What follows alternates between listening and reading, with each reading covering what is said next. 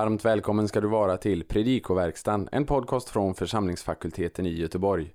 Daniel Johansson går alldeles strax igenom evangelietexten för Kristi himmelfärdsdag, som detta år är hämtad från Johannesevangeliets 17 kapitel. Men innan jag lämnar ordet till Daniel så vill jag fråga dig om det är så att du upplever att du har fått glädje och hjälp av att lyssna på den här podden som du just nu lyssnar på. Kanske är det så. Och kanske är det så att du också skulle önska att denna resurs skulle kunna få finnas längre fram och både utökas och underhållas. Då finns möjligheten att bidra genom att skänka en gåva till församlingsfakulteten och deras arbete just med eh, den här podden, Predikopodden. Gå gärna in på vår hemsida www.ffg.se för att se hur just du kan stödja det fortsatta arbetet med Predikopodden. Nu lämnar jag ordet till Daniel. Vi önskar dig god lyssning. Tredje årgångens läsning för Kristi himmelfärdsdag hämtar vi från Johannes 17, 1-8. Det är inledningen på Jesu översteprästliga förbön. Vi börjar med att analysera den grekiska texten Tauta elalesen Jesus i vers 1 betyder Detta talade Jesus.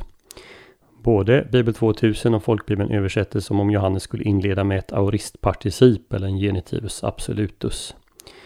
Auristparticipet kommer först i nästa sats och efter att ha lyft upp sina ögon mot himlen sade han. Elelithen är perfekt Meningen är att stunden har kommit och är nu inne. Exakt samma fras förekommer i 12.23. Vers 2. Exousian passes sarkos är en objektiv genitiv. Vi översätter makt över allt kött. Uttrycket allt kött är en semitism och avser alla människor.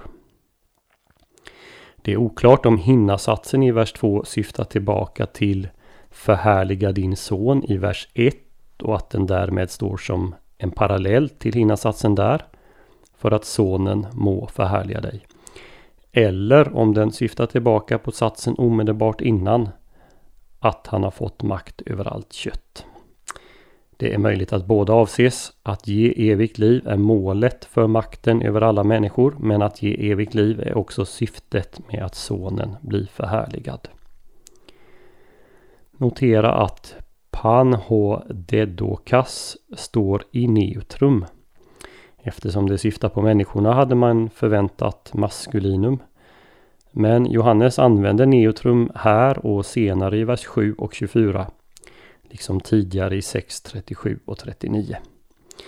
En möjlig förklaring är att neutrum ger en konnotation av enhet och att Johannes därför använder den. Lägg också märke till att verbet dedokas är en perfekt. De har blivit givna till Jesus och är fortfarande i hans besittning. Det är för övrigt ett återkommande tema i kapitel 17 att Fadern har givit till Sonen människor, allting, ord, gudsnamnet och härlighet. De ställena för det här finns listade i pdfen till podden på församlingsfakultetens hemsida. I vers 3 har hinna samma funktion som ett hotti, nämligen att. I nästa vers, vers 4, kan hinna uttrycka syfte för att göra eller fungera som en ersättning för infinitiven att göra. Auristparticipet i samma vers, teleiosas, uttrycker medlet genom vilket huvudverbet fullbordas. Vi behöver därför översätta genom att fullborda. Verbet teleio är för övrigt detsamma som Jesus använde på korset, tetelestai, det är fullbordat. Den aktiva verbformen används två gånger innan kapitel 17 i 4.34 och 5.36 och båda gångerna handlade om att Jesus fullbordar Faderns gärningar. Vi går vidare till vers 5 som inleds kainin. Eh, kainin är en semitism som motsvarar hebreiskans veta och nu. Till exempel stöter man på den i Andra Mosebok 19.5. Den följs ofta av en imperativ. Här introduceras en repetition av en redan uttalad begäran. I det här sammanhanget så finns förmodligen också en anspelning på att stunden är inne. Den är inne nu. Notera pronomenet sy som betonar vem som ska utföra handlingen du fader. Förhärliga du mig. Parasiato betyder hos dig själv men översätts inte i folkbibeln som av någon anledning hoppar över det. En liknande utsaga finns ju för övrigt Johannes 1.1 och 1.18. Prototon kosmon einai Infinitiv med bestämd artikel föregått av prepositionen pro. Den frasen indikerar tid innan världen var. Vers 6. Hos är då kasmoi ekto kosmo. Ordagrant vilka du gav mig från världen. Både Bibel 2000 och Folkbibeln lägger till verbet ta. Du tog från världen och gav mig. Verbet egnokan står i perfekt. Bibel 2000 tar fasta på perfektens förblivande giltighet och översätter med presens nu förstår de. Till sist vers 8. Hotti som inleder versen kan uttrycka innehållet i vad lärjungarna förstått och översättas med att. Men mer sannolikt är att en ny mening börjas och att hotti har betydelsen eftersom eller ty. Det var den lutherske teologen eh, David Kytreus eh, som var en av författarna till KD-formen som gav Johannes 17 överskriften Jesu överste prästliga förbön. Inom parentes kan noteras att som lärare i Rostock så kom han att utbilda inte mindre än sju blivande svenska ärkebiskopar. Men Kytreus var väl kanske inte helt först för redan Kyrillus av Alexandria hade associerat den här bönen med Jesu översteprästliga ämbete. Det finns två orsaker till beteckningen. Den ena är att Jesus i vers 19 talar om att han helgar sig, underförstått till ett offer. Den andra är att bönen föregriper Jesu översteprästliga aktivitet i himlen, den som förebedjare. Här kan man jämföra med första Johannes 2.1, Romarbrevet 8.34 och inte minst Hebreerbrevet 7.25-26 som ju knyter förbönstjänsten till den översteprästliga tjänsten. Det tog det vara den här aspekten, den himmelska förbönstjänsten, som är orsaken till att man valt denna text som evangelium på Kristi himmelfärdsdag. En del kommentarer eh, föredrar beteckningen Jesu avskedsbön. Det sista Jesus ber innan han lämnar lärjungarna. Vilket ju också passar för Kristi himmelfärd. Vi kan indela evangelieläsningen i två delar. Den första, verserna 1-5, kunde ha rubriken Förhärliga mig. Avsnittet börjar och slutar med en bön om att sonen ska förhärligas. Och den andra delen, verserna 6 till 8. Gud har gjorts känd av Jesus. Jesus har uppenbarat Guds namn och de ord han fått av Fadern har han gett vidare. Några kommentarer till detaljer i texten. Tänker man att förhärligandet inkluderar korsdöden, uppståndelsen och himmelsfärden så påbörjas nu i denna stund när Jesus ber det skeende som slutar med just upphöjelsen till himmelen. För egen del tror jag att Johannes främst avser Jesu upphöjelse på korset, men himmelsfärdsaspekten kan ju med fördel tas fram för den här högtidsdagen. En tydlig koppling till himmelsfärden finns i utsagan i vers 5 att sonen åter ska bli förhärligad med den strålglans han hade innan han trädde in i världen.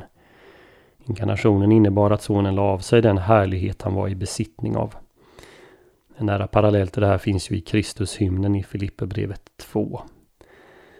Det yttersta syftet med förhärligandet när man läser vers 2 med vers 1 är ändå att ge evigt liv åt dem som givits åt Sonen. Notera sedan vers 3 att den har närmast en parentetisk funktion. Det kan eventuellt vara Johannes eget instick en förklaring. I vilket fall så definieras vad evigt liv är. Att känna den ende sanne guden och den han sänt, Jesus Kristus. Vid tre tillfällen i evangeliet eh, talar Jesus om att han fullbordar Faderns gärningar. I 4.34, 5.36 och här i vers 4. Och att han genom att göra det förhärliga ärar sin far. Klimax vad gäller den här saken är väl när han uttalar orden till Tellestai, det är fullbordat på korset i 1930. Fadern är förhärligad, han själv blir förhärligad och han kan enligt vers 5 eh, hos Fadern efter att ha vänt tillbaka till himlen återfå den härlighet han hade innan världen var till. Anspelningen här på evangeliets första vers är väl uppenbar. I vers 6 har vi något av en parallell till Andra Mosebok 3 där Gud uppenbarar sitt namn för Moses. Att Jesus har uppenbarat Guds namn tolkar de flesta utläggare som en i det närmaste parallell till vers 8. Det står att Jesus har gett vidare orden Fadern har gett honom. Det vill säga att uppenbara Guds namn handlar enligt dessa utläggare om att Jesus uppenbarat vem Gud är, Guds natur och karaktär.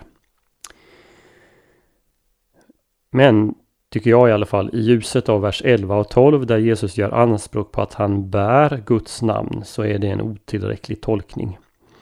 I judendomen på Jesu tid reflekterades det mycket kring Guds namn och det finns många uttryck för det också i Nya Testamentet. Som vi tyvärr inte hinner gå in på nu. Enligt femte Mosebok kapitel 12, vers 5 och många andra ställen så vilade Guds namn först i tabernaklet och därefter i templet.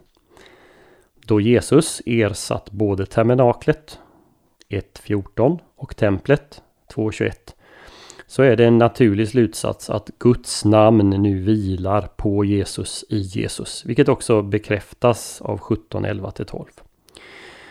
Som en följd av det så är det Jesus som person som uppenbarar Guds namn. Det är också möjligt att Jesu jag är-ord, de utan predikatsfyllnad som i till exempel 8.28 är ett uttryck för den här saken. I Jesaja 52.6 sägs till exempel Men mitt folk ska få lära känna mitt namn. Den dagen ska de inse att jag är den som talar. Jag är här. Vi kan ju också minnas att enligt Matteus evangeliet så uppenbarar Jesus Guds namn strax innan himmelsfärden när han ger lärjungarna i uppdrag att göra nya lärjungar och döpa dem i Faderns, Sonens och den helige Andes namn. Sen får vi nog också tänka att själva namnet Jesus tog det spela en viss roll. Det inkluderar ju i sig Guds namnet och uttrycker att JHVH frälsar. Vilket ju är klimax för Guds förhärligande hos Johannes. Jesu förbön är bön och undervisning på samma gång för de som hörde den första gången. Men den berättar också för oss idag vad det är Jesus ber sin himmelske fader om när han sitter på Faderns högra sida himlen och manar gott för den stridande kyrkan på jorden.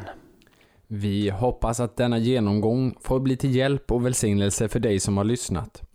På vår hemsida www.ffg.se kan du hitta information om hur du kan stödja fakultetens arbete, som till exempel den här podcasten. Ett sätt att stödja är att skänka en gåva genom Swish. Församlingsfakultetens Swish-nummer är 123 100 84 57. Alltså 123 100 84 57. Mottagaren som anges är Peter Isak Bens utbildningsstiftelse. Märk gärna gåvan FFG Podcast om du vill stötta just denna podden. Så önskar vi allt gott och Guds välsignelse. thank you